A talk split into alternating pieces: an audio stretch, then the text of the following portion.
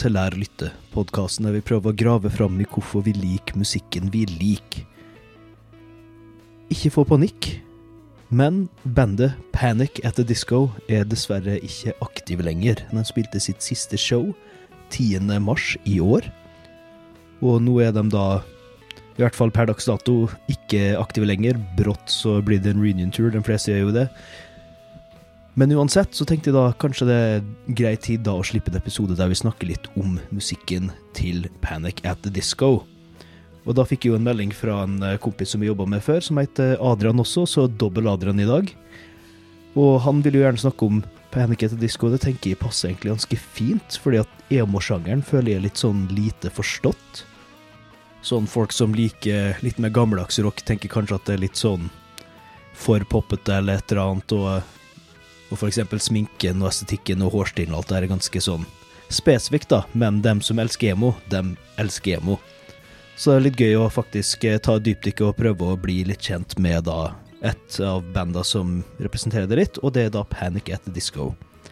Vi hadde ganske dårlig tid til å spille inn episoden, egentlig, så det ble litt uorganisert i praten, men vi kom egentlig ganske greit igjennom alle essensielle element som vi og Adrian følte definerte lyden deres litt, da. Men det blir litt sånn redigadran her og der, siden det var ikke fullt like mye tid til fact-checking eh, underveis og sånt. Eh, Men det gjør også at det blir mange morsomme sidespor og interessante tema. Blant annet så syns jeg det var flott av Adrian å være ærlig på ting fra um, Brenn Urie, da, som er frontmann, som han ikke liker like mye, da. Og det ble jo en liten uh, fruktbar diskusjon, syns jeg, da, om uh, det man forventer av artistene sine, og sound og kommersialisering av musikk og slikt. Uansett, skal ikke boble altfor mye. Kan bare smelle i gang episoden om Panic at the Disco.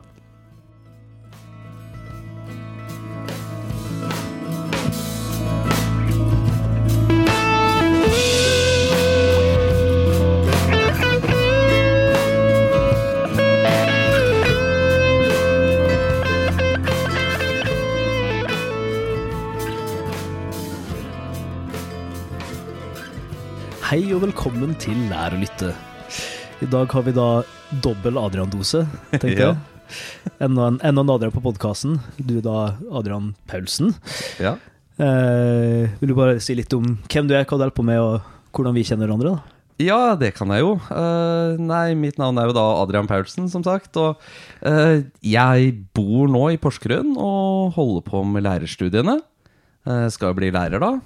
Eh, og så Nei, hvordan kjenner vi hverandre? Nei, det var, hva sier man? Det var jo en regnfull aften hvor, hvor både vi skulle gå og banke dører for uh, en Var- det den dagen det var første dagen vi jobbet sammen? Det var første dagen vi jobbet sammen. Ja, rakkeren. Det var eh, Ja. veld, veldig Det var omtrent eh, storm. men at Ja. vi måte da skulle jobbe sammen for å da hjelpe Leger uten grenser da med Mm. å få inn ja, mer penger. Ja. Så da var vi jo i Grimstad, og så begynte jo bare himmelen å åpne seg med, med en eh, flod av eh, vann fra eh, ja, oven, og da begynte jo sjefen å ringe, og som satt i Oslo og bare så på værmeldinga. Dere burde dra hjem. Og Ja, ja, ja. Det satt var, jo bare under et tak siste timen, og det var jo grusomt. ja, det, var, det var faktisk helt vilt. Men det som var Åh. gøy, var at jeg fikk jo faktisk en genser fra en som jeg besøkte. Mm. Ja, at stemmer det, stemmer hun, det. Hun syntes jo så synd på meg, for at jeg var jo så våt. Så den genseren har jeg enda. Så Ja, det er så det. hyggelig. Bruker du den av og til òg? Nei, det er lenge siden. Det er noen kilo siden òg, altså. Ja, ikke sant? Så den har gått litt ut på moten. For å si det sånn. ja, den gåinga der uh, hjalp mye på forma, merker jeg. Ja, absolutt. Det, den sommeren der så tror jeg ikke ned 13 kilo bare på Mm. Ja. det å gå og sånn. Ja, det er helt vilt. Så støtt legger du Legerund genser, folkens. Yes. Uh, men uh, Legerund genser er jo ikke tema for podkasten, det er jo musikk.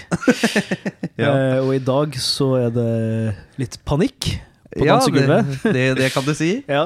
uh, nei, altså det er jo Jeg fikk jo gleden av å velge et band. Jeg egentlig uh, så skamløst spurte om du hadde plass på podkasten. og da valgte jeg for min egen del Panic at the Disco. For det er et band jeg syns er litt sånn Egentlig veldig lite omtalt, i hvert fall i Norge. Eh, og kanskje også veldig lite satt pris på av ja, flere. Mm. Så jeg har egentlig lyst til å snakke litt mer om de, og i hvert fall nå etter at de måtte endelig kalle det legger opp, da. Mm. Eh, fordi at uh, 10. mars, ifølge Wikipedia i hvert fall, uh, altså for ikke så lenge siden, Ja. var siste konsert uh, noensinne, så det passer nesten eh, å ha litt sånn retroaktiv eh, Sette pris på eh, bandet, da, så folk kanskje går eh, hjem og hører på mer enn bare High Hopes, da. Eh, Jeg håper jo det, da. det er vel eh, dine høye håp eh, at de gjør Det Det er mitt for å håp på kvelden. Ja. Så eh, hvordan hørte du på dem først, da? Uh, nei, uh, du vet jo åssen det er. Man sitter på YouTube og egentlig havner i en litt sånn uh, spiral, hvor du egentlig bare scroller gjennom alt som er. Mm. Um, og plutselig så havner jeg på en sånn type amerikansk eh, Teens React-type video. Ja. Uh, og hvor egentlig de får beskjed om at ok, type Hvilken artist er dette som spiller en låt, Mm. Og så kommer da en låt fra Panic at the Disco, da, som jeg ikke visste da, men som jeg vet nå. Uh, som heter I Write Since No Tragedy. Uh, og så tenkte jeg at den var jo egentlig litt interessant, for at den skilte seg litt ut. I forhold til alt den der listepopen som man hører på til daglig, syns jeg, da. I hvert fall da. Uh, og det var i 2016, og siden da så har jeg egentlig hørt litt gjennom kartoteket, holdt jeg på å si. Og ja, høre på de ved jevne mellomrom, egentlig helt siden da. Hva tror du det var med den låta spesifikt som uh, traff, da?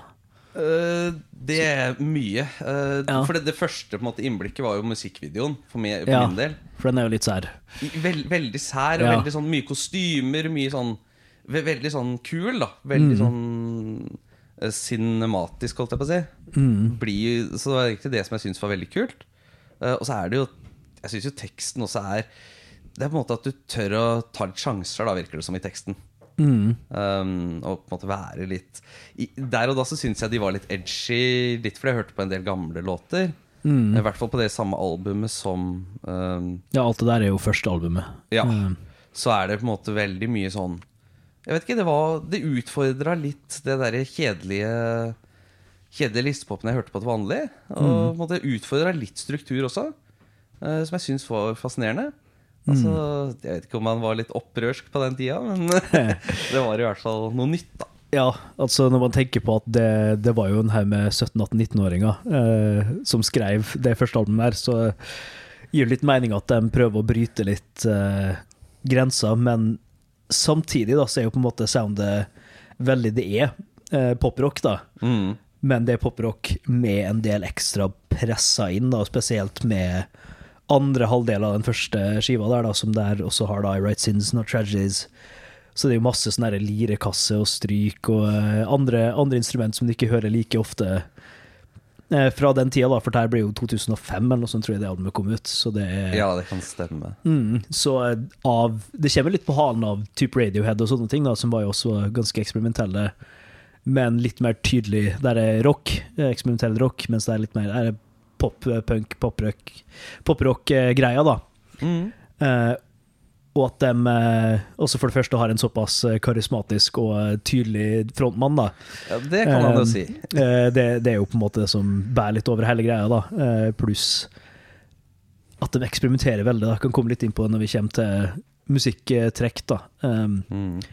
Av liksom det generelle inntrykket. Men jeg tenkte jeg kunne bare ta en kjapp bio eh, på dem. da Mm. Litt kjedelig delen, for jeg leste jo bare kjapt en Wikipedia-side, egentlig. Men eh, jeg fant en morsom fakta. da De starta som et eh, Blink 182 coverband Ah. originalt. Og da var det han som spilte bass, han som spilte trommer først. Så kom Brendan inn, Brendan Urie, altså, som er frontmannen, og da, eh, per et par uker siden dato, siste medlemmet i bandet. ja. Eh, men han kom jo inn seinere, da, faktisk. Eh, men så det var et coverband, først og fremst, og det var eh, han som spilte gitar, eh, som var leadsangeren, og så hørte de bare han synge eh, bakgrunnsvokalen én gang, og de bare OK, nei, du er frontmann. oh, ja. så det, det er jo litt morsomt, da. Mm. Det andre interessante er jo at Brennan Urie har vokst opp som mormoner, da. Oh. Det, det, det tenker man ikke over i teksten nødvendigvis så veldig mye. Mm, Nei. Men det gir litt mening etter hvert, da, når du begynner å tenke over hvor mange bibelske referanser og sånne ting som dukker opp her og der. Ja, for jeg Mm. kan vel se mer av det seinere år, holdt jeg på å si. Ja. Uh, vil, jeg, vil jeg tro. Mm. Han var kanskje litt mer opprørsk i starten, men uh, han, altså, han er teknisk sett fortsatt medlem av kirka også. Oh, ja. For hvis man melder seg ut av Monerkirka, så kutter dem all kontakt med det, så du får ikke snakke med familien din og sånn. Ah. Så han bare gadd ikke. så han er jo fortsatt teknisk sett medlem i Mormonerkirka, selv om han ikke praktiserer det i det hele tatt. da. Men det gjør at han kan være venn med familien sin fortsatt og ha litt uh, den uh, koblinga, da, som er jo Vet ikke. Det er interessant. Uh, bare litt sånn spennende bakgrunnsinfo. Uh, og da bandet her holdt på start, De startet vel da de gikk på videregående, også, de holdt ikke på så lenge før de ble signa, faktisk. De, uh, de, fikk en uh, record deal før første konsert. Ah. Så de hadde, de hadde jobba sammen, starta med covergreier, og så begynte de å skrive egen musikk. Og så sendte de det inn via et nettforum til uh, bassisten, tror jeg det, i Fallout Boy, som holdt på å lage et nytt plateselskap. Mm. Og han digga dem skikkelig, da, så han signerte dem og hypa opp og sånne ting. Så da Eh, rett mens de holdt på å eh, gå ut av videregående. Så får de da eh, penger til å gå fem uker i studio og skrive det første albumet her, da. Så ganske sånn eh, vet ikke, rockedrømmen da, for uh, alle unge som starter band uh, på videregående, kanskje. da, uh, Som de fikk leve, da, som er ganske sjukt. Ja, og kanskje litt sånn at mm. det, er, det, er, litt sånn du ser for deg at det skal være, og så er det ikke alltid at det er sånn. Men for de så var det faktisk slik du ser for deg. Mm. Det, det ble akkurat sånn som det ble, da, og så var det jo bare rett ut på turnéliv. Og, ja. og første albumet gikk jo platinum, trippel platinum i løpet av et år, eller noe sånt, også, så det var, var ikke, ikke, lite som måtte til, liksom. Ja, grei suksess. Mm. Så det er ganske spenstig. Da Da kan vi hoppe inn på en som trakk det til bandet da med eh, den låta, for det er jo også da en av de første singlene og første albumet som ble skrevet rett på han og videregående. da. Mm. Men uh, det som er liksom det generelle trekket i soundet, som vi da hører gjennom det første albumet og de to andre albumene som du også ga med, som er jo fra 2011 og 2018, tror jeg. Så eh, vi mm. hopper jo fra 2005 til 11 til 18, så det er liksom starten og midten og slutten på karrieren egentlig ganske jevnt over, da. Men uh, jeg føler det mest fremtredende er jo Brennan Urie uh, sin power tenor, da, som jeg liker å kalle det. Mm. Han er veldig veldig frampå, veldig sterk, uh, veldig sånn show Nesten litt sånn musikalaktig vokal, men med sånn tydelig rockepreg da, som bare bærer hele greia veldig heftig. da. Ja, absolutt. Det er veldig mm. sånn, kommer veldig tydelig fram. Han gjemmer seg ikke bak musikken. Nei. Det, det er veldig gøy å se han i intervju også nå, når han refererer til en eller annen linje, så skal han synge en linje, og så bare tar han mikrofonen litt lenger unna og bare bare gaule skikkelig inn i studio, ikke sant? Og folk bare Oi! Ja, ja. Men uh, han uh, Jeg tror ikke han kan å synge lavt på en god måte. på en måte Nei, nei, men altså, det er jo ja. helt fantastisk det han synger også. Det er jo på en mm. måte det er jo on point. Utrolig sånn eh, flink eh, vokalist. av Masse crazy løp og eh, Ja, ja. Altså Det er jo de runsa som Nå skal du være så ærlig at mm. først så sjekker du ut låta, og så sjekker du ut bandet, men så er det jo mm. For min del da, så var det jo Brendan Urie som fikk meg til å fortsette mm. å høre på. For han har noen runs som er helt enorme. Mm. Og i hvert fall når han også Hvis du på en måte hører han litt mer akustisk også. Ja Uh, det er da du virkelig får høre hvor god stemme han har. For Det er ikke bare det at han har en kraftig stemme, hvem som helst kan ha det, men han har på en måte en fyll, jeg synes han har en fyldighet i stemmen sin mm. som gjør at han kan gjøre det meste. Han kan på en måte være veldig sånn Veldig lavmælt og veldig nedpå. Så kan han være veldig showman. Og så kan han også være veldig sånn entertainer, selvfølgelig. Ja. Men altså, han, kan, han, har egentlig Jeg syns han har en såpass bred range, da. Mm, det er sånn stjernepakke. ja, Så han egentlig kan mm. gjøre det meste. Og sikkert veldig bra i musikal, som du sier.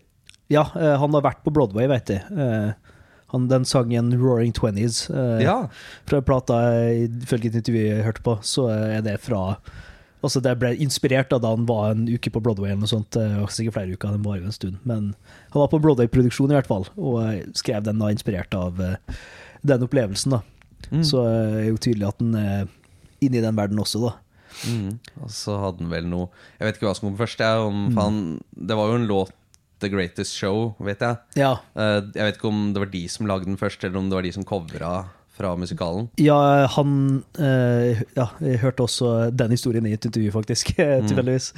Og sånn som jeg skjønte, så var han i dialog med dem som skrev musikken. Okay. Og det var snakk om at han kanskje skulle synge den låta, eller et eller annet, men så var det noe scheduling og sånn som ikke gikk helt, så det blei skrevet, og noen andre sang det inn, og så har de da tatt det etterpå. Mm. Men han var liksom litt involvert i den produksjonen, da. Oh ja, artig. Eh, og, eh, og, når du sier det med vokal og sånn nå, da, liksom de gangene eh, Jeg har hatt venner som har snakket om Panic etter disco før, da, så det er nesten alltid Du må bare sjekke vokaltalentet til han fyren her. Det er Ja, ja.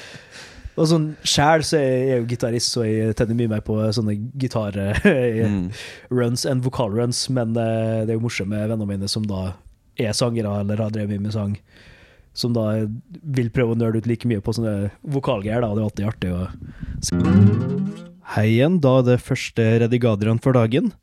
Eh, vi har bare nevnt uttrykket 'runs' eh, et par ganger, og eh, om man ikke er helt sikker på det, så skal jeg bare forklare det litt kjapt. I, det er jo en ganske fleksibel term, men i måten vi har brukt det nå i diskusjonen, er det rett og slett sånne lengre strekk med vokallinjer da, som utbroderer melodien litt. Vi tar jo også og nevner det litt i gitarkontekst med gitarruns, men generelt er det rett og slett bare en sånn melodisk fremtredende del der et instrument eller en stemme da, gjør litt eh, ekstra ut av seg. Og eh, om man vil eh, på en måte slenge inn litt mer eh, etablert eller faglig term, så kan man jo kanskje snakke om mel melismatisk sang i eh, operakultur, da, for eksempel. Men eh, igjen, det er ikke så veldig farlig. Det er bare Poenget er at det er deler der eh, tilfellet her da Brennan Urie tar og viser hans eh, vokale muskler litt ekstra. Dette var det. Det som har vært borti Panic eh, litt gjennom det, da bare sett sånne eh, compilations av eh, høyeste tone og sånne ting. Men eh, jeg har aldri egentlig hørt på dem sånn ordentlig, bortsett fra High Hopes, da, som var jo Ja. Eller er for så vidt sikkert fortsatt kanskje den største hiten de har hatt. eh, ja, eller i hvert fall mest Mulig. spilt på Spotify. ja, i hvert fall i nyere tid, da. Mm. Eh, selv om den er jo fra 2018, da. Mm. Så det er jo på halvenden av karrieren. Så den er jo den jeg har hørt mest, da. Så det var litt gøy også å hoppe tilbake da, og se litt progresjonen, da, for det er jo en modning som har skjedd gjennom de tre albumene som du også merker, Men altså Brendan sin eh, frontmann-rolle og vibe er på en måte alltid der, da. Ja, ja. Det, og det var der fra dag én, da, I guess. Som er ganske imponerende sånn sett òg. Den er en såpass moden, eh, tydelig, tydelig kunstner da, i en så ung alder. Det, det er ikke alle som har det, men som oftest dem som har det, blir jo stjerner, da.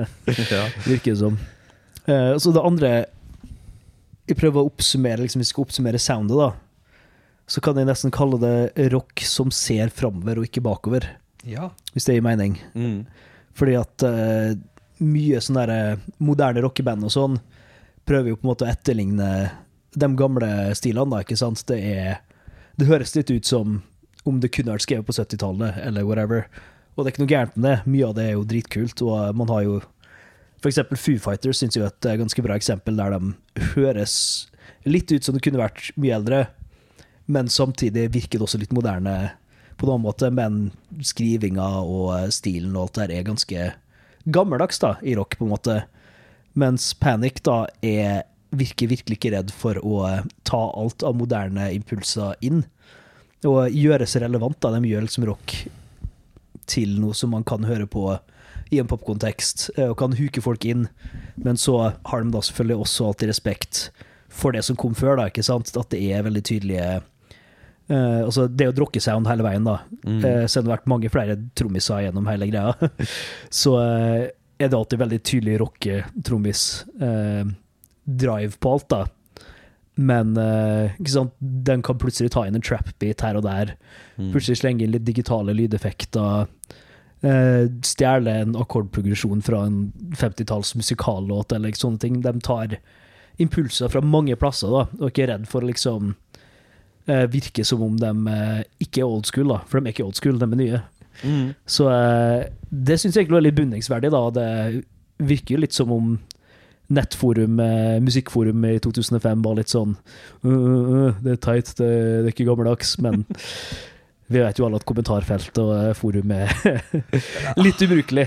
Ja, det er ikke der du henter uh, faktaen fra. Nei, så eh, for all del. Det, men jeg kan skjønne, altså, hvis du er en purist, at eh, at det kanskje her er litt eh, overveldende, da. Men eh, jeg syns det er dritkult at de eh, gjør det, da. Ja, jeg syns også det er veldig fascinerende, og det er veldig Det tyder jo på en allsidighet som jeg syns er veldig Ja. beundringsverdig. Det at du faktisk kan Du kan ha en sound, men du kan på en måte alltid hente inntrykk og anerkjenne at det fins bra musikk andre plasser òg. Og det fins bra ting ved annen musikk som gjør at du kan kanskje få en mer komplett eh, musikk Altså en sound, da, egentlig. Ja, fordi altså, selv om det er utvikling og nyanser, du hører jo at 2018-Panic er mer moden enn Ja, 2005. Men de er jo litt eldre òg, Ja, så det blir jo men det høres jo fortsatt definitivt ut som Panic. Absolutt. Det er liksom, det er ikke en veldig stor forskjell, selv om det er en uh, impuls der, da. Så eh, jeg vet ikke om jeg greier å definere nøyaktig hva core-delen av uh, soundet er, da. Uh, litt vanskelig, men altså det, det er en rockedriv, veldig tydelig, og det er litt sånn show, showman-tenor-greie. og så er det også en god blanding av det jeg kaller riff-basert og akkordbasert musikk, da. Eh, som er litt sånn, det er ikke noe fagterm, det er bare et eller annet de har eh, kommet, kommet på som en greie for å eh, forklare litt sånt eh, på podkasten, egentlig. Men eh, sånn gammeldags rock eh, springer jo litt ut av blues og sånn, da, men da har man jo gjerne et eller annet riff eller motiv i et instrument, som oftest gitar, da, ikke sant? men hvis du tar Led Zeppelin, da Så har du en vokalmelodi oppå det. Mm. Eh, og så bytter du kanskje til et nytt riff på refrenget. Mens etter hvert så utvikla da populærmusikken, fordi rock var jo populærmusikk på det tidspunktet, men etter hvert så utvikler da det seg til å bli litt mer akkordbasert, og så kommer disko inn, for eksempel, da, og uh, slenger på liksom orkester i bakgrunnen og litt mer uh, komplekst. Da. da er det liksom ikke ett instrument som spiller en veldig tydelig riff lenger. Okay, nå har vi A-moll, så har vi G-dur, så har vi, altså vi har forskjellige akkorder. Så har vi fortsatt melodisk ting, men riffet er ikke det som nødvendigvis leder sangen lenger, da. Mm. Og Panic hopper veldig altså gjennom begge to, da. De har eh, litt riffbaserte låter her og der, og litt akkordbaserte her og der. Noen ting er jo bare egentlig vokalleder som eh, fy. Ja. Men uh, jeg veit ikke om de valgte navnet av det, men det virker jo også veldig som om uh, disko og den der uh, Wall of Sound-produksjonen fra 70-tallet her, da. Det kommer ganske fram i mye av det de gjør, da. Redigadrian her igjen. Vi snakka jo litt om eh, Wall of Sound, eller jeg snakka litt om Wall of Sound. og ville bare poengtere at det var 60-tallet og ikke 70-tallet at det oppsto. Mannen som eh, ofte ses på som eh, den som fant det opp, er også han som fant på uttrykket, og det er da Phil Spector som var en produsent på den tida der, og litt før, selvfølgelig. Og hovedvirkemiddelet i Wall of Sound handla jo egentlig om teknologien på det tidspunktet. Stereoopptak var nytt. Og det Phil Spector gjorde for å ha et eget sound som fungerte bra på radiosendinga på den tida, var at han da tok sykt mange instrument som mange kunne stappe inn i et eh, lite rom. Så fikk han dem til å øve i timevis til å spille ting veldig tett. For eksempel kunne han ha tre forskjellige piano. Så da et akustisk, ett eh, elektrisk og en eh, cembalo eller et eller annet sånt. Så spiller jeg nøyaktig det samme, med kanskje én mikrofon som tar opp alle sammen som én.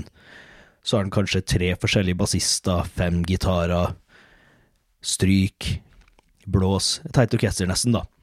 Og der etterligner jo litt på en måte mer moderne komprimerte lyder, men kompressorer på den tida var ikke like vanlige, da. Så for et eksempel av um, Wall of Sound-lyden, da, som eh, i sin egen kontekst, da, så kan man kanskje høre på River Deep eh, Mountain High av Ike og Tina Turner. Kan man også som et eksempel høre God Only Knows of The Beach Boys, fordi at eh, Brian Wilson er en av eh, de få folka som Phil Spector eh, faktisk respekterte som en produsent, da. Brian Wilson sin eh, måte å gjøre Wallace of på er litt mer intim og nyansert, om det er lov å si, men i hvert fall, da, jeg la til de sangene der også i spillelista til episoden.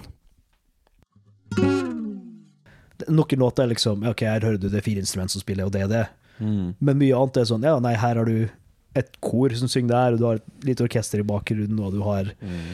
ikke, trekkspill en plass, og eh, det er liksom kjempemye som skjer samtidig, da.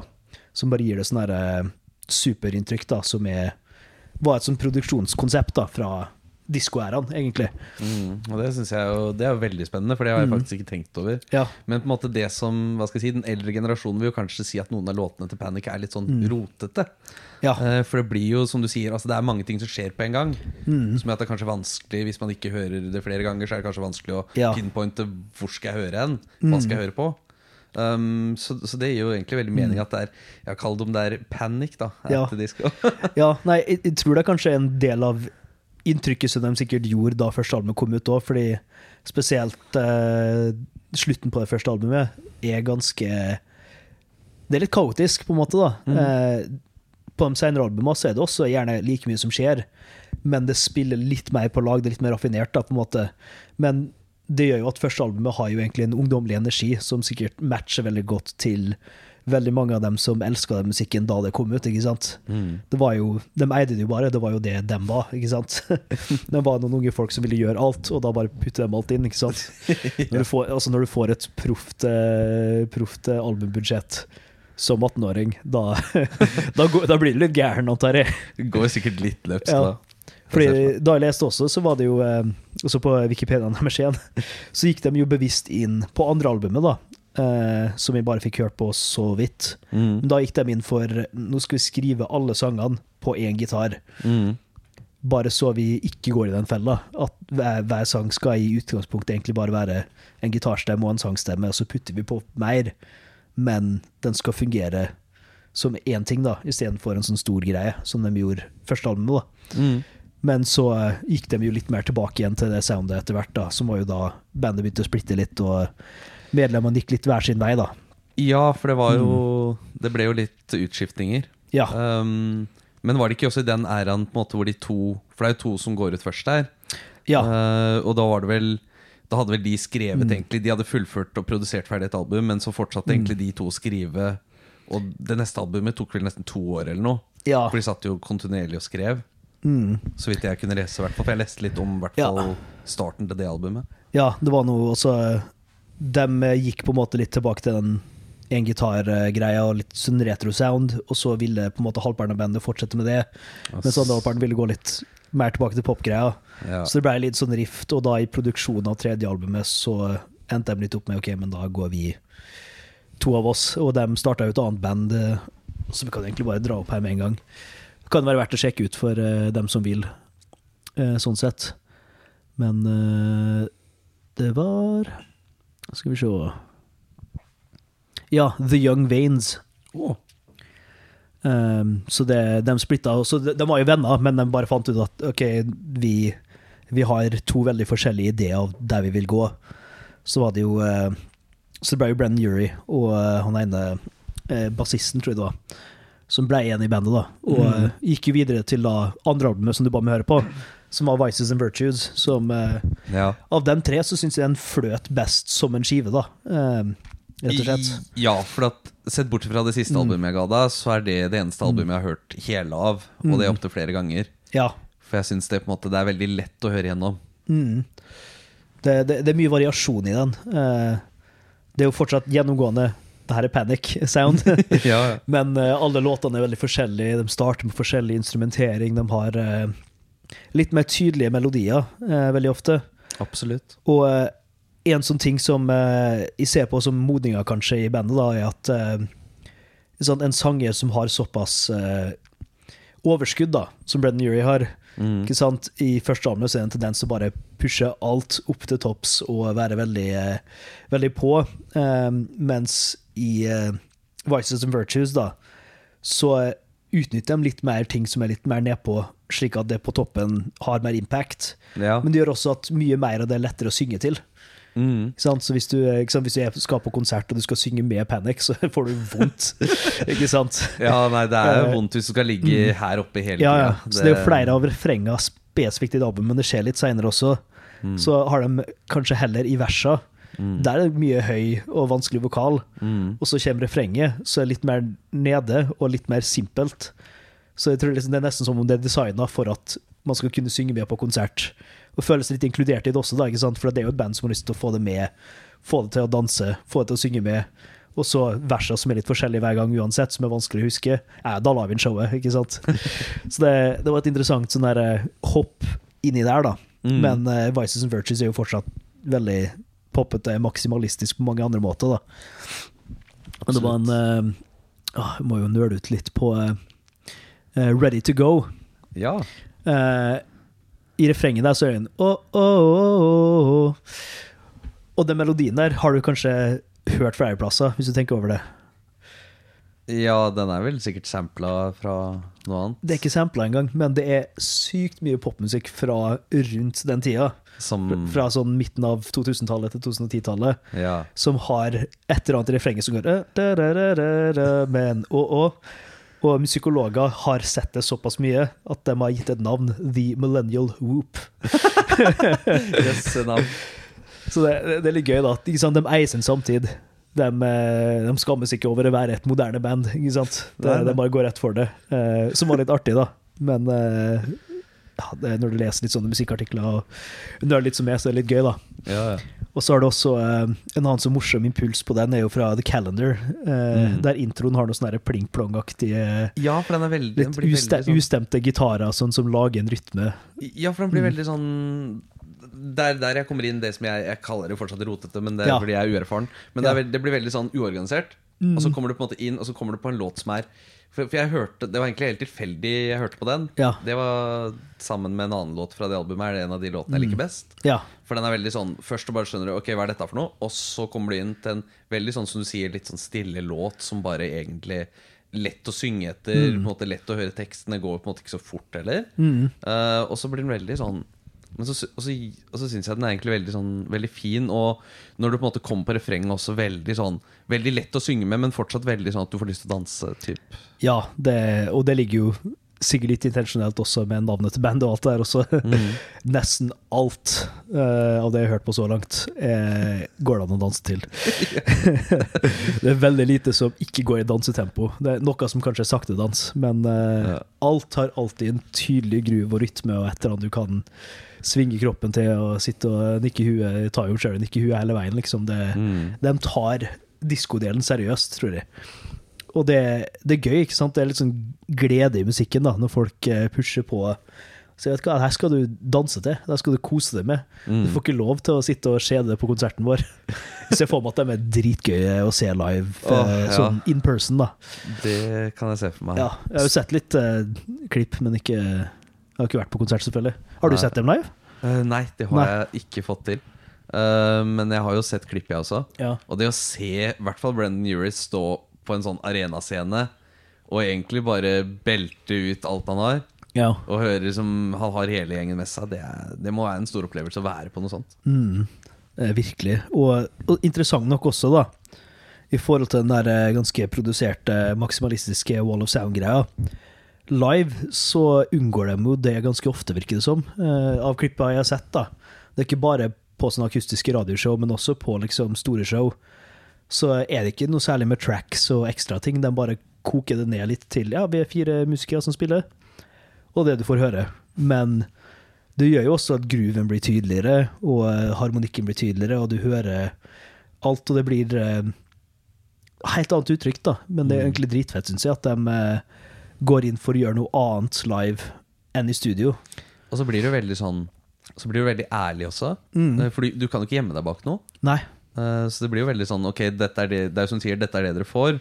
Men når det da høres fett ut, så er det sånn Å ja, dere er faktisk veldig gode. Ja. Det er ikke bare noe som sampler noe i et studio, og så Nei. kommer dere og er dårlig live. på en måte Mm. Sånn, jeg satt og hørte på coveren deres av Bohemian Rhapsody, for eksempel. Åh, det er nydelig. Der, eh, ikke sant, eh, og altså Queen også gjør jo det når de spiller en live òg. Det, det, du kan jo ikke ha med alt som skjer i studioversjonen, for at det er såpass mye, ikke sant. Mm.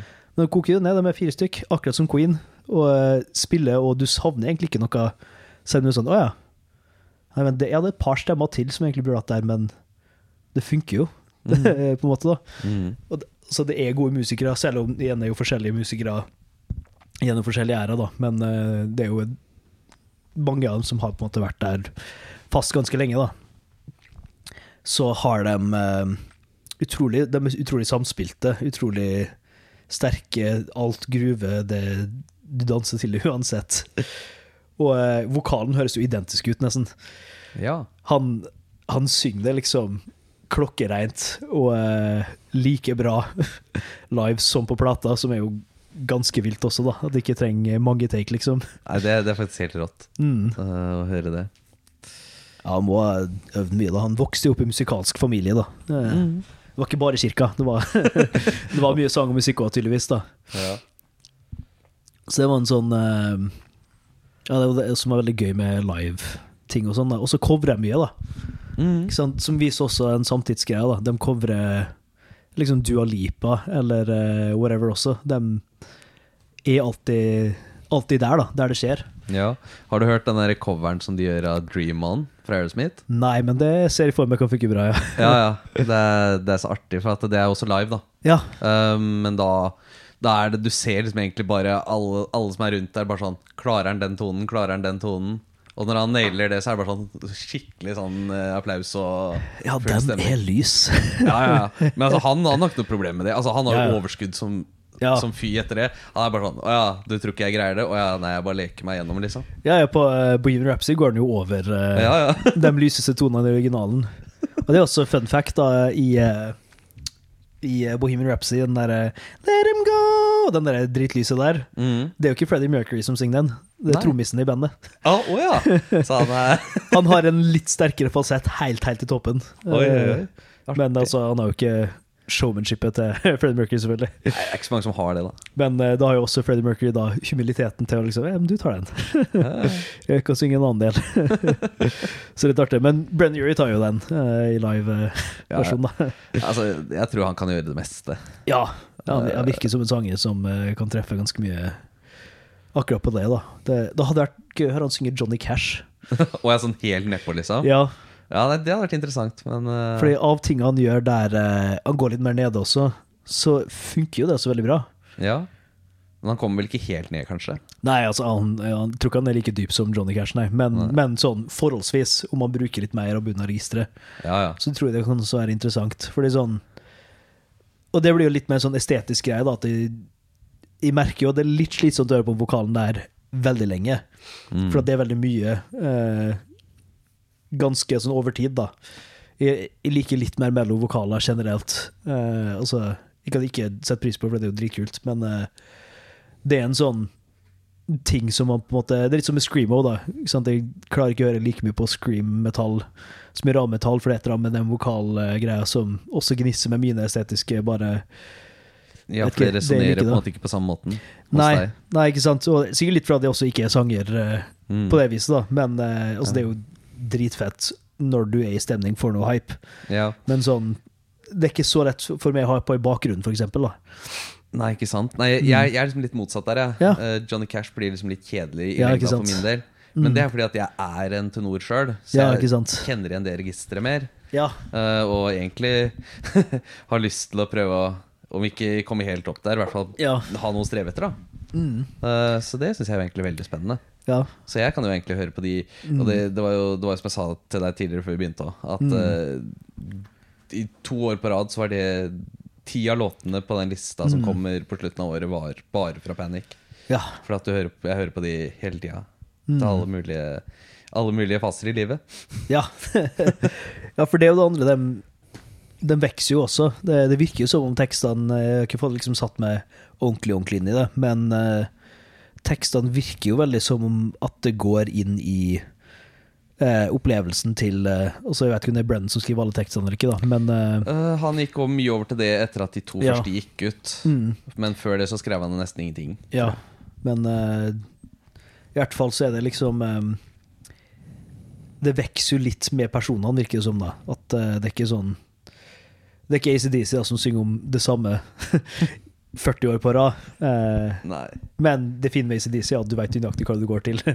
Uansett, da. Eh, mens, eh, mens her er liksom Ja, det, nye livsopplevelser gjør at det er nye ting eh, Jeg er spent på å se sånn sett da hva Brenn Urie skal gjøre eh, videre, da. Panic er jo ferdig, men eh, han skal jo sikkert gi ut musikk på et eller annet tidspunkt igjen. Det siste jeg så, i hvert fall Mm. nå i det de la ned, var jo at han også kan fokusere på familiefar, i hvert fall til å begynne med. Ja. Så han kommer nok ikke tilbake med det første, tror jeg. Nei, men, Men eh, det er, veld, det er egentlig veldig spennende å se Mm. hva han eventuelt kommer tilbake med, hvis han kommer tilbake. ja. Ja, kan hende bare finne ut at vet du hva, det, livet, livet er fint nå. Ferdig. Det var nok. jeg, jeg, har gjort det jeg skal, jeg har tjent de pengene jeg skal. Nå kan Ja. jeg bare kose meg. Ja, jeg tviler på han er den typen. Det er, han, han må jo stå på en scene. Han er jo Ja. showman. eh, Han virker jo født, eh, født til det. ja. det Ja, jeg hadde reist på en uh, Brennan Urie livekonsert hver dag i Ja. uka. Ja, fint rakkeren. Kan synge hva han vil for min del. Han kommer sikkert tilbake, men, uh, men ja, det kan hende han Siden ta en tiårspause, da. Ja. Det kunne vært eh, Prøv å tenke over noen artister jeg kjenner til som har gjort noe sånt. Jeg er usikker. Jeg føler alle er litt sånn Tar kanskje litt pauser, men man er noenlunde hjem, da. Ja, nei, det må jo Det nærmeste jeg kom på sånn øyeblikkelig nå, må jo være Kaizers, for eksempel. Da. Nå som de skal, Ja. de skal jo på en måte ha en sånn reunion-konsert, holdt jeg på å si. Eller de had, hadde de det, eller skal de ha det? Nå er jeg usikker. Eh, det får vi ta på post. Ja, For researchet. ja vi får gjøre det. Barentssjappen, en ja. Kaizers eh, har jo ikke spilt uh, reunion-turneen sin ennå, men den eh, skal skje snart i år, og den ble jo utsolgt på null komma niks, men det veit du sikkert de fleste blodfansa allerede. Nei, den er, den er vrien å vite. Mm. Men um, du snakka om så er det tre låtene på Vi kan hoppe inn i uh, 2018-albumet, da. Ja. Eh, Pray for the Wicked, for det var jo så er tre låtene som du sa før vi starta, hang sammen. ja. Eller i hvert fall prøvde å Ja. finne ut av det. Um, Mm. Nå vet jeg ikke om du har noe mer eh, Om du husker noe mer av det? Nei, jeg husker ikke noe mer av det, men uh, Nei, det var litt konseptgreier. For jeg vet at det var et sånt konsept, egentlig, hvor han Mm. uh, Mange har jo Altså, jeg skal se hvis jeg kommer inn på, inn på den, Mm. så vil jeg jo tro at du har den derre jeg vet, jeg vet ikke hvor eh, vet ikke hvor kristne vi skal være på denne her, for den første låta begynner med Ja, ja, det er lov å snakke om kristendommen. det Nei, det ikke, det er ikke sånn, men det er sånn Den heter Silver Lining, men den heter jo Ja. før det òg. Um, hvor den begynner med det, og så er det Mm. Say Amen Saturday Night, tror jeg. At det er en overgang til det. Mm. Og så mener jeg at enten kommer High Nei, ikke High Hopes, men at det kommer liksom uh, Et eller annet uh, Dancing Is Not Crime, eller noe sånt etterpå det. Den var catchy. Ja, for, for det, er, det er på en måte tre sånne låter som henger sammen, da. Mm. Eh, Som egentlig danner et bilde av at du uh, Hvor han egentlig er på sykehus, tror jeg, og så Så i musikkvideoen så dør han. Mm. Uh, og så i neste låt, i neste musikkvideo, så er han på en måte nede i Ja, så dør han jo, og så er han nede i helvete, da. Eh, De, eller i hvert fall det som de un, Altså en undergrunnsverden Ja. i deres tolkning. Uh, og da egentlig ja, holder på der og uh, fester og står i, holdt jeg på å si. Og så og så skjer det noe etterpå, og så blir, og til slutt så ender det opp med at han liksom blir en Kall det en personifikasjon av djevelen, da. Eller en demon. Ah, ikke sant. Så det er, så er sånn, sånn heng, det er sånn, egentlig musikkvideoene som henger sammen. Ja, Eh, den, den burde jeg se på. ja, jeg bare husker ikke hvilke låter det er. Det er ikke sikkert jeg har rett album engang, men jeg syns det var artig Ja, ja. på en måte når jeg fant det ut. Ja, hvis du søver litt på hvilke sanger da som hang sammen, og det var visst fra The Death of a Bachelor, ikke fra eh, Pray for the Wicked-albumet, som vi ikke har fått hørt på like mye, men sjekk det ut også.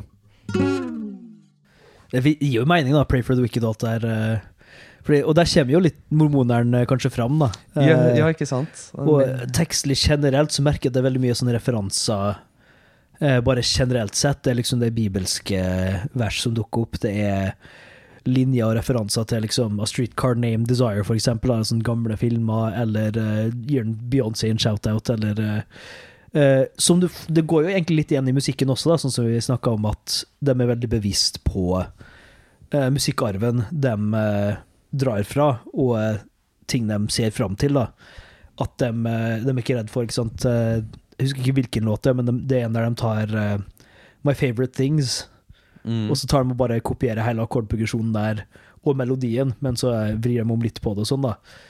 Men uh, sånn poenget er at de refererer tilbake og er veldig bevisste på ting, og så gjør de det samme i eh, i tekstene, da. Det er liksom det er en James Joyce-quote her og der, og det er en eh, Det er alt mulig rart. Altså det er tydelig at eh, det er mye lesing og tanke som går inn i det. Mm. Dessverre er dritdårlig til å følge med på tekst. Ja, det var, jeg prøvde liksom å tenke på det òg, for jeg har Ja. hørt det du sier. Og jeg Ja. har, har lagt merke til det, men jeg bare husker ikke hvilken låt det er nå. Mm. Uh, men ja, jeg ser jo det at de har jo blant annet en låt som heter Old Fashion her. Ja, ja, Som ja, det ja. er hyra til litt uh, gammeldags eh, vibber, da. Den handler om drinken. Mm, å ja, det Ja. handler om drinken og Fashion. Ja, ja, ja. ja, den, er, den er ganske uh, morsom også. Jeg husker så vidt eh, teksten på den. Ja. Men uh, det, ja, det, det er artig med sånne eh, Mm. referansegreier også, da, for det, det gir på en måte litt tilbake til lyttere som kanskje har like brei referanseramme som dem, da. Mm. Ikke sant? Men du vil, du vil jo nesten ha det litt i en artist. Du hører på at de hører på mye forskjellig, da. Eller altså ikke nødvendigvis, du kan også like en som kun hører på vet ikke, obskur tysk tekno og lage, lage noe du aldri har hørt før. Men, eh, Ja, ja. men det settes, altså, for en sjel som meg, i hvert fall, som liker såpass, eh, såpass breie rammer med musikk, da, så elsker jeg når eh, jeg hører på musikk som det er tydelig at musikeren har hørt på mye forskjellig. Da, ikke sant? Det, er, det er jo en fellesnevner i de fleste musikere som jeg, jeg ser på Som jeg setter veldig høyt. da Det er liksom det folk som hører på alt fra mogolsk strupesang til, til hyperpop, eh, gjennom, og da gjennom liksom barokk og eh, alt mulig rart annet. da At de går liksom for alt. Mm. Og det er, det er litt kult, da, syns jeg. Jeg er også. Jeg er Mm. veldig fan av de som tør å hente inspirasjon fra alle Mm. plasser. Som ikke er bare sånn Nei, jeg gidder ikke å høre på det fordi det er lame. Og så, Ja. så var det sånn Jo, noe av det er kanskje fint, men nei, jeg gidder ikke Mm. å forholde meg til det. Ja. Være åpen for musikk er Ja. fin ting. It's the point of the show. man må jo lære å lytte til det. Men man trenger jo ikke like alt, ikke sant? Nei, nei. Som, er jo, eh, som også var interessant da du nevnte eh, igjen før vi starta om eh, den Taylor Swift collaboration. da Og at uh, Ja. du ikke nødvendigvis var like stor fan av uh, Brenn Urie og Taylor Swift sammen. da Nei, jeg, jeg, var, jeg var på en måte Jeg følte det var Selv om det het Altså han solgte Det var ikke sånn sell-out, men uh, det var en sånn collaboration som jeg følte var litt sånn Ok, nå føler jeg at du går litt vekk fra det jeg følte du representerte for meg. Og heller bare ble veldig sånn mainstream. Veldig sånn Ok, Ja. nå, nå skal jeg liksom komme på radio, nå skal jeg tjene penger. Typ, Ja, typ på den låta, da. For den er veldig, den er veldig sånn Taylor Swift-vibber.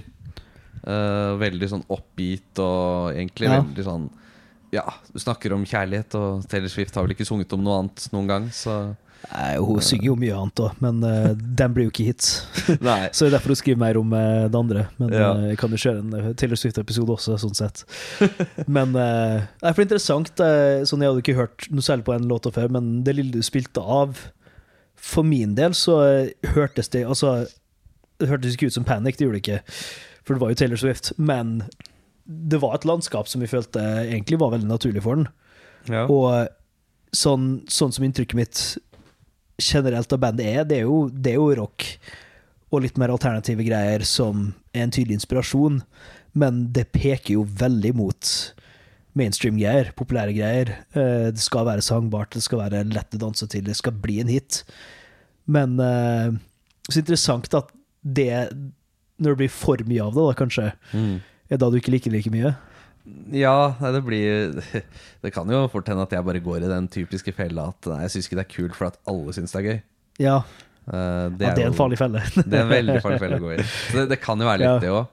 Men det er, jeg vet ikke. Det, er, det Ja. kan jo bare være for at jeg jeg anerkjenner at Taylor Swift er kanskje en av de største kvinnelige artistene vi har hatt i moderne tid, men det betyr jo ikke at jeg nødvendigvis liker hennes musikk på samme måte. Nei, hun skriver jo ikke musikk for det, mest sannsynlig også. Eh, ikke sant? Mye av det er jo for kvinner i hennes alder, og ikke menn i hennes alder.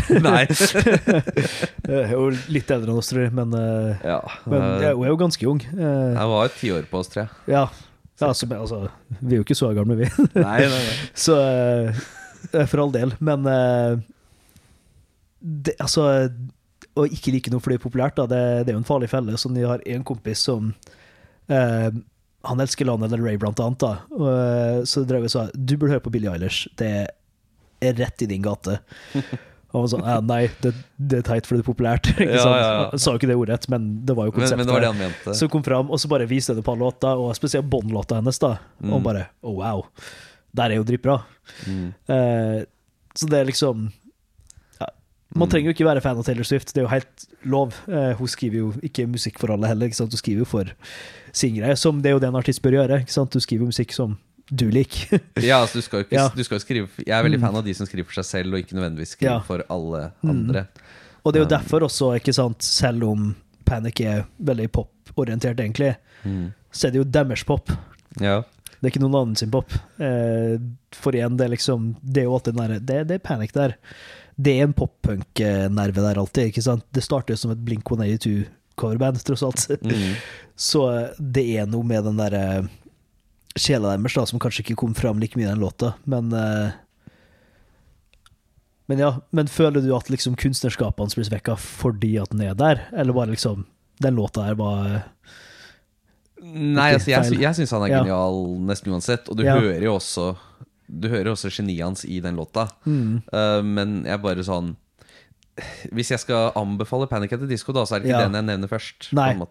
Nei, for den, den er jo Og igjen, da, jeg burde jo høre mer på en måte, selvfølgelig, men uh, av det jeg hørte, så var det liksom mye av prega til Panic, men for det første litt mindre dance, ikke sant? Det er litt mindre som skjer. Mm. Um, I forhold til mye av det andre de gjør, da, at det der liksom du putter inn veldig mange detaljer, veldig mye ting som skjer samtidig. Mm. Mens der er det litt enklere, uh, som gjør det også enda litt lettere å synge til, da, selvfølgelig. Ja. Men eh, det- er jo et maksimalistisk band. veldig. Sånn ekspresjonistisk og mye Mye ut, da. Mm. Hvis du, har, hvis du kan oppsummere Eller hvis du føler det er én sang som liksom uh, Det her er Panic. Uh, oi, én sang. Det, Ja. nå, nå var du slem. Ja. uh, nei, altså Jeg føler jo, i hvert fall, med tanke på at det var den første låta jeg hørte, og på en måte at den holder så godt enda. Ja. 15 år, 18 år seinere, Mm. så er det Si- I Write Since No Tragedy. ja. For den representerer på en måte jeg, jeg føler Hvis du på en måte får sett musikkvideoen også i tillegg, så måte Ja. representerer den mye av det jeg forbinder med Panic at the Disco. da Ja. Egentlig Mm. og, og hvert fall med tanke på at den fort, du kan høre på den i dag, du kan introdusere den i dag. Mm. Fortsatt vil noen synes det er bra, liksom. ja. For at det er, det er noe nytt Mm. enn alt andre som går på radioen 24 timer i døgnet. Ja, ikke sant? Fordi igjen, det er en låt som er dansbar, det poppete, men det er mye rart som skjer der òg, ikke sant? Ja. Det liksom eh, starter med en ska-bit, tror jeg. Det er litt mer sånn Det er litt sånn skaktig uh, rytme på det. Sånn ga, ga, ga, i gitaren og uh, litt sånne ting. Og veldig pressa vokal og bare na, na, na, na, ja. Greier og eh, Teksten er jo Ja. Det, det jeg husker best, er bare at den sier at eh, hva er bruden er en hore, eller et eller annet. Jo, jo, jo, det er, det er jo det de sier. Ja. Det, nei, nei, det er vel Altså, det er, brude, det er vel brudepikene, tror jeg. For It's a Ja. bridesmaid is a whore. ja. Um, og, så, og, så stopp, og det som er litt artig, da, så stopper han jo akkurat der før Ja. han begynner på igjen. Ja. Så sånn, Han lar liksom den synke litt inn. Ja, ja, ja. Det, det er liksom sånn, å ja, ok ja, ja. Detalj, detaljer meg også. ja, ja. Så det er, det er helt nydelig. Og, men, og det som også er viktig der, da For at den, den markerer på en måte at Ok, du begynner med en sånn der eh, sekvens da som er veldig Ja. rolig og veldig sånn eh, Veldig mye tekstbasert og veldig mye sånn Ja, ja. dyp, dyp tekst. Mye mer minimalistisk. Ikke Ja, som skjer. og, når, ja. og når det stikket der kommer, da så stopper den, og så plutselig bare bang! ja, og Bare- der kommer skabiten inn, og så Ja, og så bare smeller det til, og så bare går den i full Ja. Full baluba, alt jeg på å si. Det. Ja, nei, det, det, det er et par andre låter også som starter sånn eh, Får se om vi kommer på dem senere, men uh, som også har litt sånn Ikke rolig start, det er jo uptempo og alt det der, Ja, ja. men det er lite nok som skjer som gjør at du kan nesten ikke gjøre noe annet enn å høre på teksten. Mm. Og eh, den maler liksom litt sånn historie. Ja, du er, ja, du er her, og du var vel i en kirkekjeller eller et eller annet, og du hører, overhører en samtale, da, og så Hun er en hore. ja. Og, så, og så bare stopper det litt, og så, og så går det liksom inn der. Ja. det, det er sånn Ja. Closing the goddamn door. ja. Ja, den er catchy, den. Og den, eh, den fikk meg til å tenke på eh, en sånn uh, greie da, som også bygger litt inn i pop-sensibilitetene, egentlig, men at det er engasjerende musikk av design. Uh, at det, det er litt mer tydelig i første albumet. Der gjør den veldig eksplisitt, sånn som When I say shotgun, you say wedding shotgun, wedding Ja, ja, sånn, ja. wedding. Og involvere publikum. Ja, og at den bare forteller direkte i teksten til sangen. Bli med og syng det her nå, ikke sant? Ja. Eh, som eh, det er litt mindre obvious i uh, de senere albumene. Ikke? Igjen den modningsfaktoren. Mm. Men også liksom designet til ok, nå tar Brennan og synger en lead-greie, og så synger resten av bandet et svar. ja. Og så repeteres det neste refreng. Litt sånne ting da, At det er veldig mye som er bygd inn for å på en måte involvere publikum. da, og Mm. det er jo et virkemiddel som skjer i alt mulig rart, men det jeg digger med akkurat det, er jo at det gjør ting popvennlig, men grunnen til altså, Eller opphavet til den kulturen, egentlig, har jo folkemusikkgrunnlag eh, mer, da. Ikke sant? Fra, altså, det er fra musikk som ikke var meint til å fremføres. Det var musikk som oppsto kollektivt, da, ikke sant? så du har Mm. Man kan kjenne igjen i Sea Shanties, sant? der du kanskje har en leadsanger, og så tar arbeiderne da på skipet og synger et uh, refreng i svar mens de haler i å dra Ja, som egentlig var beregna på at de skulle Mm. jobbe liksom jo- jobbe i det tempoet spesifikt, ikke sant? Mm. Eller New Girl Spirituals også, ikke sant? At du har liksom en forsanger, og så har du et kor som svarer. Eller i folkemusikk der man eh, sånn gamle middelalderballader, da. Da har du liksom et vers, og så har du et refreng som alle synger med på. Så er det vers og refreng. At det er veldig kommunalt, egentlig. Man involverer publikum fordi at musikk i den konteksten Det er ikke én performer og et publikum, det er bare folk som musiserer sammen, da.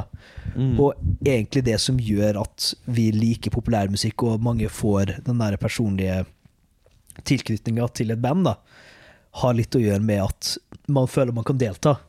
At man synger til en person. ikke sant? Det er derfor liksom, Når man skriver musikk for seg sjøl, så resonnerer du med mange som er litt som du. ikke sant? Det er jo derfor altså Bruce Springsteen for eksempel, resonnerer med så mange arbeidende amerikanere, ikke sant? for han synger litt om den livsstilen, eller hvem han er, hvem han er da, ikke sant? hvilken som helst artist.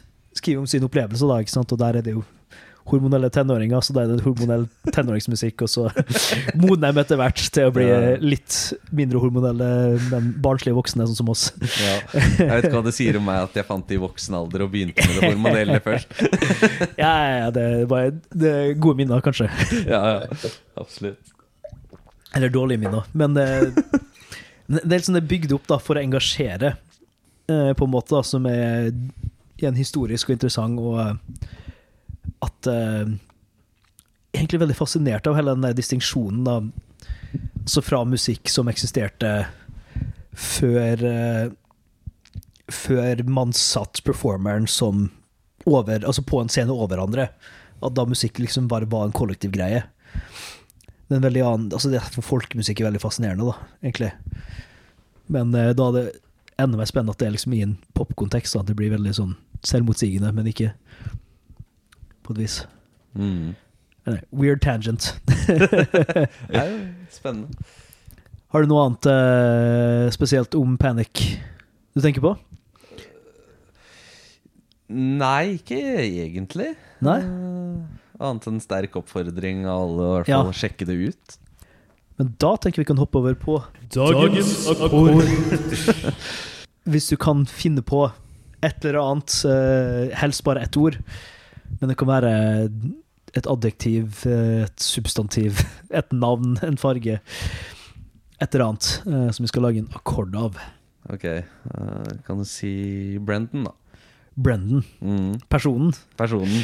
Personen. Ohoi. Må jo være litt utfordrende. Ja, hvordan oppsummerer du han dunen der eh, i en akkord? Det må være dur, tenker jeg. Han er en, han er en dur fyr. Ja, ja, absolutt. Han er veldig dur. Uh, Brendan Dury. Faen.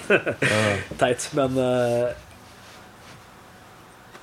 Men en litt sånn cheeky, sardonisk uh, side av han, da. Uh, dur med ekstra, da. Uh, kanskje Skal vi se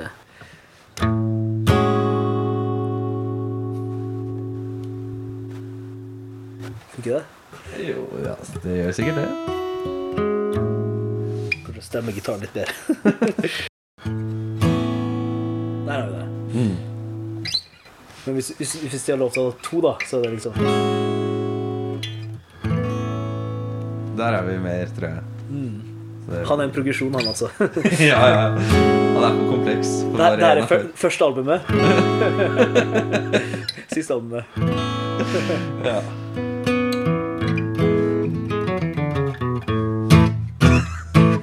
Ja, men det er, det er moro. Mm. Shotgun wedding, shotgun Av en eller annen grunn var det liksom første hooket som bare satser mest. Ja, ja. Eh, Men jeg må si altså det For min del så vokste det første albumet på meg mye mer etter at jeg hørte på uh, Vices and Virtues mer, da. Det var, Ja. det var den som var liksom litt mer i min Vet ikke Min generelle emosjonelle tilstand denne uka her, da, kanskje.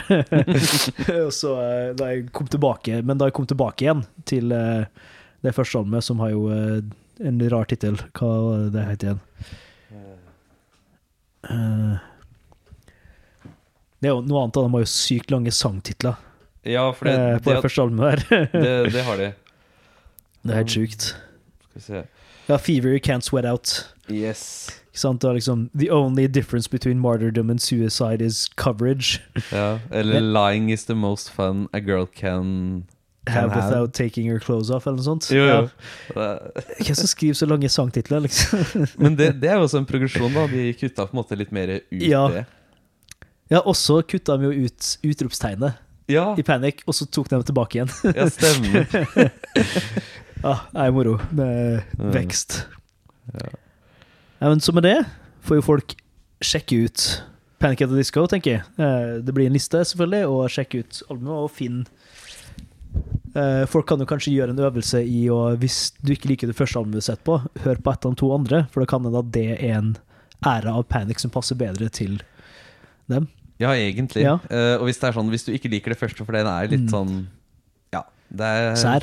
det, det litt, litt sånn required taste, sånn heter. Ja, Uh, så vil jeg jo tro at det albumet fra 2018 Det treffer nok mange flere. ja, og det er der High Hopes er også, det er jo uh, Mm. eh, Ja, altså- noe kjent der. Det er et kjent landskap, for så vidt. ja, det, så det, vi får håpe at folk hører på mer enn High Hopes, men eh, Ja, om, om det bare blir det albumet, så er det noe altså. Nei, altså, så lenge jeg kan høre på en Mm. review av det, og en norsk person sier noe mer enn high Hopes, så er jeg fornøyd. Ja. Jeg tror eh, den låta som jeg tenkte mest på nå, er kanskje Sarah Smiles. Ja, den òg er veldig fin. Mm. Det litt også fordi søstera mi til Sara bare sånn ah, kjente like den sangen der, da. Ja, ja. Eh, var litt det òg, men, Ja, eh, nei, har, men da har vi en annen en. da har vi det. Og jeg, jeg har jo eh, Traff jo en jente en gang som het Sara. Prøvde å skulle Mm. Synge den to. Det, Gikk det bra? ja, det Stort sett går det jo fint, Mm. men eh, jeg har ikke snakka så mye med henne siden. da Så sier en annen sang, 'Always'. Den syns jeg er veldig fin. mm, Og den er kanskje ikke kul. Balladen fra eh, Vices and Virtues. I hvert fall. Ja. Og The Ballad of Mona Lisa også er ganske Jo, jo, den er jo helt fin. Men der, der syns jeg musikkvideoen også gjør mye, mye den, for låta. den må jeg sjekke ut, da. For den, da, igjen så kler den seg ut, vet du. Så det, Mm. Så, men den også er veldig bra. Og den er også veldig bra akustisk. Ja. Absolutt. Sjekk dem ut akustisk òg. Ja, jeg skal prøve å finne det klippet som jeg refererte. For det, Ja, gjør det. det er veldig mye bra i det klippet Mm. Ja. Men det er en plan. Mm. Da er vi omtrent akkurat på en time, så da tenker jeg at vi sier tusen takk til Adrian. Jo, takk for at jeg fikk komme. Håper folk ikke er lei av Dobbel-Adrian eh, for nå. Nei, Det var litt dialektforskjeller, da, så vi får i hvert fall Ja, det kan hende at det hjelper litt. Det er mulig. Ikke få panikk, det går bra. Barumts. ja, det er det.